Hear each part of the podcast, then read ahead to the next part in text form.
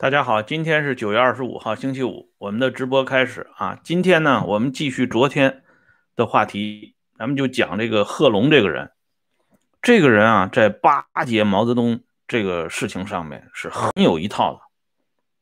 从这个蔡树藩去世前后，这个追悼会的这个事情，就一下子能反映出贺龙这个人，他在摸排毛泽东的脾性和胃口方面。在这种杂牌武装里边，他真的是首屈一指的人物，否则这个人啊，一直也不可能一直活跃到文化大革命前夕。当初毛把蔡树藩放到国家体委担任副主任，实际上这是对贺龙的一个监督。贺龙当然明白这一点啊，因为这方面的这个小动作太多了。当初。李景全就是这么来到贺龙身边的，但是贺龙在江湖上边行走多年，老江湖了，玩这套手法那是一般人比不了的，所以他跟李景全之间的关系处的就跟一家人一样。李景全的儿子李明清在北京就住在贺龙家里，待遇跟贺龙的儿子贺鹏飞是一样的。蔡树藩。按说呢，贺龙也知道他口含天线，跑到国家体委这边来，也绝不是一个省油的灯。他跟蔡树藩的合作呢，从表面上看也是天衣无缝的，但是心里别扭，因为蔡树藩这个人，在贺龙看来，这是一个生荒子啊，可以用老百姓的话讲，油盐不进。这个人作风非常生硬，所以贺龙跟他就没法交心。于是呢，就是一种敬而远之的态度，既不能得罪，又不能呢交浅言深。贺龙拿捏这个尺度拿捏的很好，但同时贺龙很快发现蔡树藩自己有一个短板，就是说蔡树藩。曾经作为罗瑞卿的副手，到华北军区任职，担任华北军区政治部的头头。在这个阶段里边呢，蔡树藩跟彭真、跟薄一波的关系走的就非常近了，因为那个时候大家在一起共事嘛。更主要的是，那个时候的彭真和薄一波是毛跟前的红人，所以蔡树藩跟他们打成一片是很正常的一件事儿。这个蔡树藩跟彭真两个人关系处到什么程度呢？我给大家讲一个小故事。老作家丁玲，这个女作家丁玲写过一本很有名的小说，叫《太阳照在桑干河上》。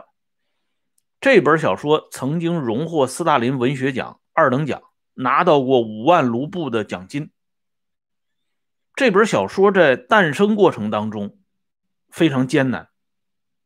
这个周扬不同意这个小说的出来，周扬呢就在彭真面前嚼舌根子，说这个小说美化地主家的女儿，说地主家的女儿长得比贫农家的女儿要漂亮。这彭真没看这小说，听周扬这么一说，彭真就很不高兴，转过身来，彭真就把这话跟蔡树藩说了，蔡树藩就跟毛泽东的密友萧三。就是萧子升的弟弟萧三说了，萧三呢又把这话传回到了丁玲夫妇耳朵里，所以从这个例子我们就可以看到蔡素藩和彭真的关系很好。正是因为有了这一层原因，所以贺龙要时不时的把蔡树藩同彭真、薄一波之间的交往，啊，有意无意的透露给老大。毛了解到这些情况以后，对蔡树藩这根钉子就起疑心了。毛这个人的疑心是很大的啊！别看他这么信赖蔡树藩，可是人也是有变化的。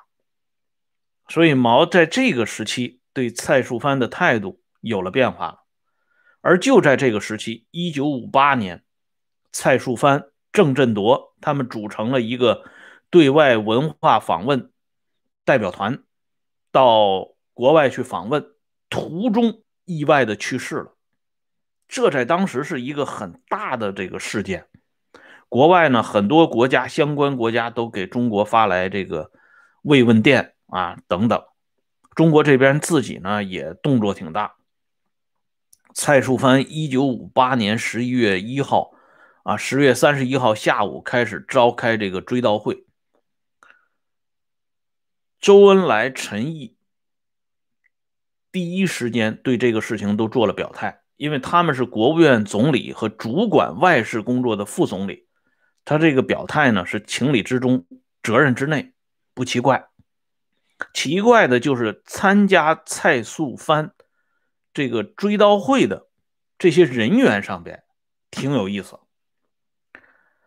彭真当时百忙之中专门抽出来时间去参加这个老蔡的追悼会。薄一波跟彭真、薄一波真的没啥直接关系，这两位老哥俩都去参加这追悼会了。这追悼会当时是。党外人士张奚若他们领衔儿啊，这规格再高，大家一看就知道了，你都是党外人士搞的啊，没啥大大劲。可是彭真和薄一波一去，这追悼会规格一下子就上来了。问题是当时跟蔡树藩两个极有渊源的人，却没有参加这一次追悼会。一个呢是邓小平，我们讲过这个邓。跟蔡树藩这幺二九师共事的一些事情，后边还会继续讲。邓没有去呢，是情有可原。邓当时在重庆，在四川，在李景泉的陪同下，在四川进行调研。那贺龙也没去，贺龙没去呢，理由也勉强说得过去。一个呢是贺龙当时也不在北京，他在山西大同。啊，当然，山西大同跟北京距离已经很近啊。再一个呢，这个副总理嘛，对吧？这个级别呢不宜太多安排，因为这个 已经去两个副总理了，陈毅去了，然后薄一波去了，啊，这贺龙这副总理去不去都啊可以。关键在于什么呢？关键在于蔡树藩本人是这国家体委。排名靠前的第二副主任、常务副主任，他在国家体委里边的作用，不说举足轻重，那也是非常了不得的一位。他去世之后，国家体委起码应该派一位副主任，哪怕是一个司局长，参加这次追悼会，都说得过去，对不对？这是常识吧？可是国家体委愣是一个人都没去。当时国家体委是一个什么概念呢？除了贺龙、蔡廷锴、蔡树藩之后，副主任还有卢汉、荣高堂和黄忠。具体办事的就是荣高堂和黄忠。黄忠呢是东北军那个著名的所谓的爱国将领黄显生的侄子、亲侄子。这是周恩来东北军统战工作的一个最大的硕果。这黄忠还担任过中国足协主席，可是不论是荣高堂还是黄忠，谁都没有参加蔡树藩的追悼会。这老蔡的追悼会在国家体委这边就算是冷冷清清。从这个例子里边，我们也可以看到毛泽东、贺龙在最后时节对蔡树藩这匹老马的真实态度。而且蔡树藩的追悼会上。彭真和薄一波的意外的现身，更让贺龙的这一本奏准了。哎，人家贺龙这小报告打的很有水平，很有预见性。怎么样？我说他跟华北山头他们走得近吧？啊，跟刘少奇这支走得近吧？没错吧？彭真、薄一波都去了，最好的例子。所以说，贺龙这个人在揣摩毛泽东这方面，那是非常有一套的。我们都知道啊，这个毛有一个必走自珍的一个外号，大帅啊，毛大帅，这是在红军当中就久已这个传播的。这个外号是怎么来的呢？这刘英啊，张闻天的老伴刘英，他的回忆，他说这毛大帅的这个称呼啊，是毛泽东自己叫出来的啊，不是别人给他起的。因为什么呢？这个故事呢，要从毛泽东和博古这两个人说起。啊，这毛泽东和博古这两个人，就跟那狗见了猫一样，啊，一见面就掐，一见面就掐，就特别的不对付。当初博古到中央苏区前一站在福建的时候，啊，有人就跟博古讲说，毛正在这边养病，你去看看这个毛泽东吧。博古说：“我看毛泽东干嘛？不看。”这段故事。啊，就在我这书架上边，大家能看到啊，最近的这一排《毛泽东传》，中央文献编的《毛泽东传》里边专门有记载，而且还居然没给出出处，说明这是独一份的史料啊。再一个呢，就是毛的这个外号，就是博古给接的短当时在中央苏区，大家呢都是起身于草莽之间。都是平平等的，所以称呼毛泽东呢。如果你愿意啊，高看毛一眼的话，你叫一声主席；如果就是说同志之间不想扯这种关系的话，那就是叫一声泽东同志或者是老毛同志都没问题。彭德怀、何长工叫了一辈子老毛，就是老毛长，老毛短。博古呢？管毛泽东就不叫老毛，他管毛泽东叫毛大帅或者叫大帅。啊，老毛一出现，博古就说大帅来了，毛大帅来了。当时刘英就挺好奇，刘英就问这个博古说：“怎么别人都叫他主席或者是老毛，怎么你就叫他大帅呢？”博古说：“这个称呼是毛泽东他自己起的，他特别喜欢别人叫他大帅，所以我就叫他大帅。”哎，所以博古呢就把毛的这点爱好老底儿给揭揭穿了。这博古这个人，要不我刚才说嘛，他是专挑毛泽东不喜欢说的话啊，不喜欢听的话说。这杨尚昆晚年有个一个回忆，会理会议前后啊，打土城失利，当时毛泽东刚从这个遵义会议上边起起身啊，土城战役失败以后。别人没说啥，忙着总结这个经验为什么失利，这博古就按捺不住了。博古来了一句话，博古说：“看来狭隘经验论者指挥也不成。”当时给毛扣了个帽子，叫他狭隘经验论。所以博古的言外之意就是：你老毛把我们从台上轰下来，啊，你号称手拿三国，指挥作战。结果出山以后还是打了败仗，这是杨尚昆口述回忆的。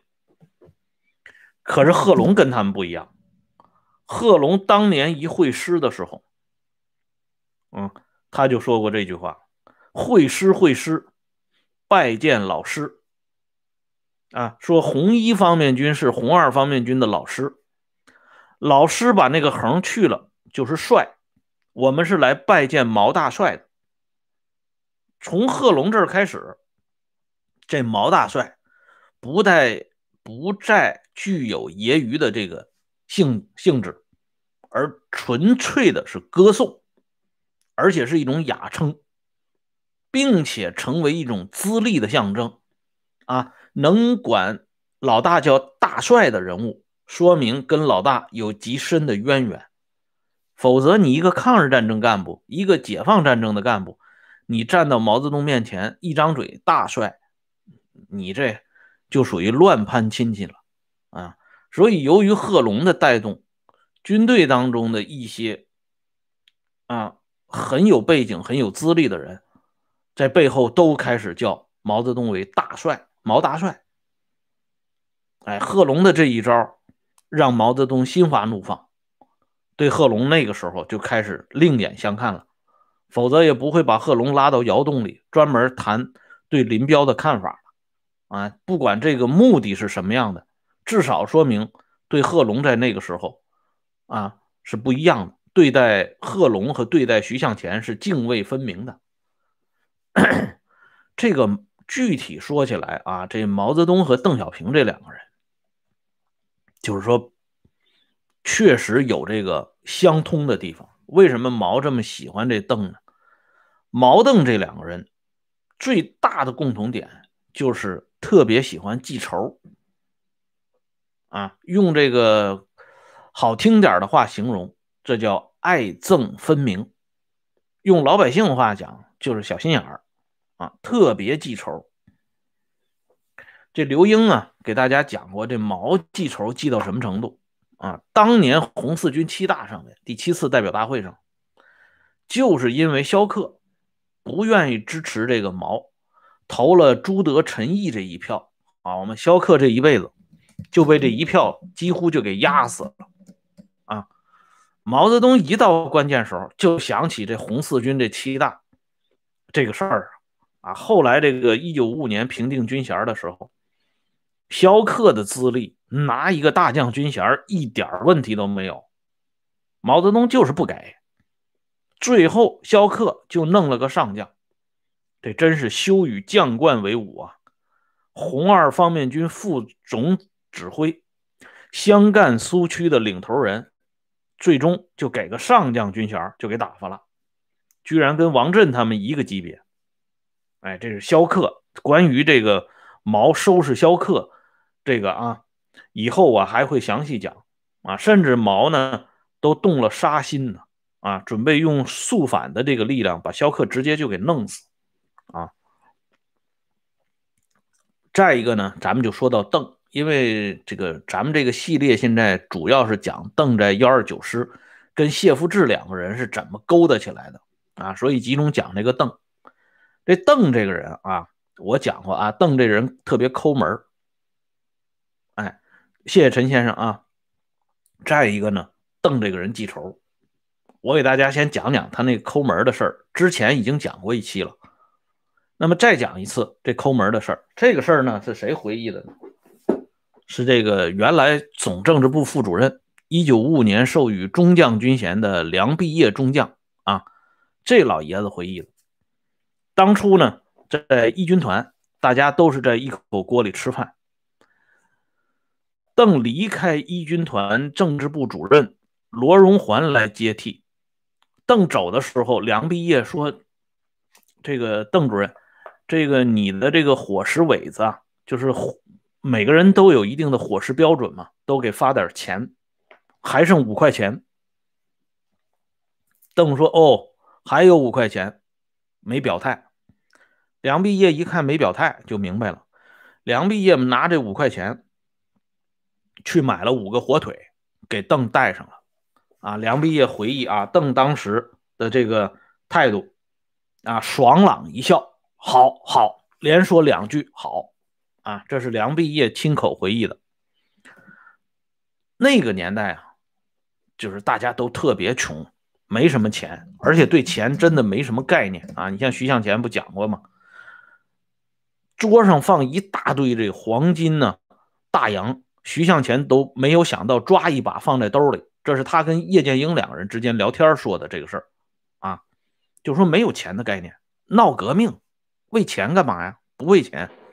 但是人家小平同志有钱的概念，五块钱买五只火腿带上了。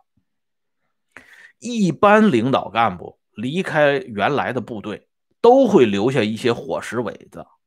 他们一般呢都是把这钱给原来部队的这些老战老战友、老同事给花了，大伙打一顿牙祭啊，改改善一下，同时呢也是留个念想。但是人家小平同志呢不留，拿了五个火腿就直接奔这个延安总部去了啊，这是一个呃地方。再讲一个地方呢，就是。邓这个人记仇啊，还是这吃的话题。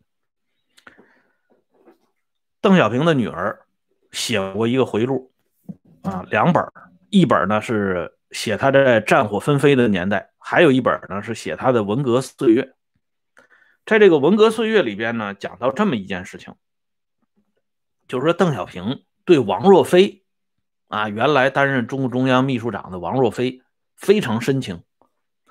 王若飞的儿子王兴和王若飞的儿媳妇张九九，就是张鼎成的女儿，到邓小平下放的地方去看望邓小平。邓呢，坐在那里深情地回忆这位老战友王若飞。哎，邓为什么怀念王若飞呢？他是有故事的。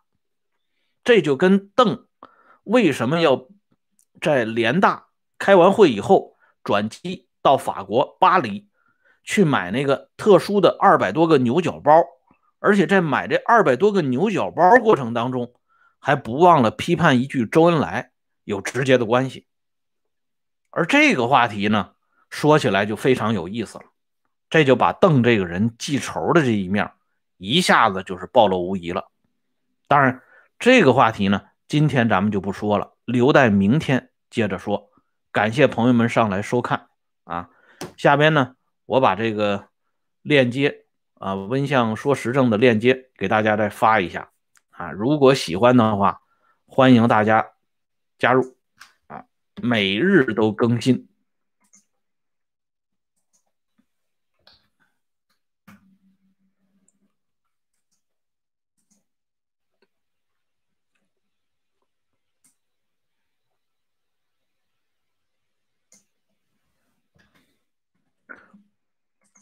另外啊，我在这里啊，跟大家再通知一下，最近呢，每天晚上都看一部老电影，所以特别有感触。如果啊哪一部老电影一下子拨动了咱们的心弦以后，呃，在我们这边的晚上，是你们那边的早晨啊，八点半以后九点左右，咱们还会加播一期，专门来谈谈这个怀旧话题。我这最近又看一部老电影，非常感兴趣，是潘红的啊。找机会呢，咱们来一起上网交流一下。好了，今天呢，咱们就说到这里，感谢朋友们上来收看，再见。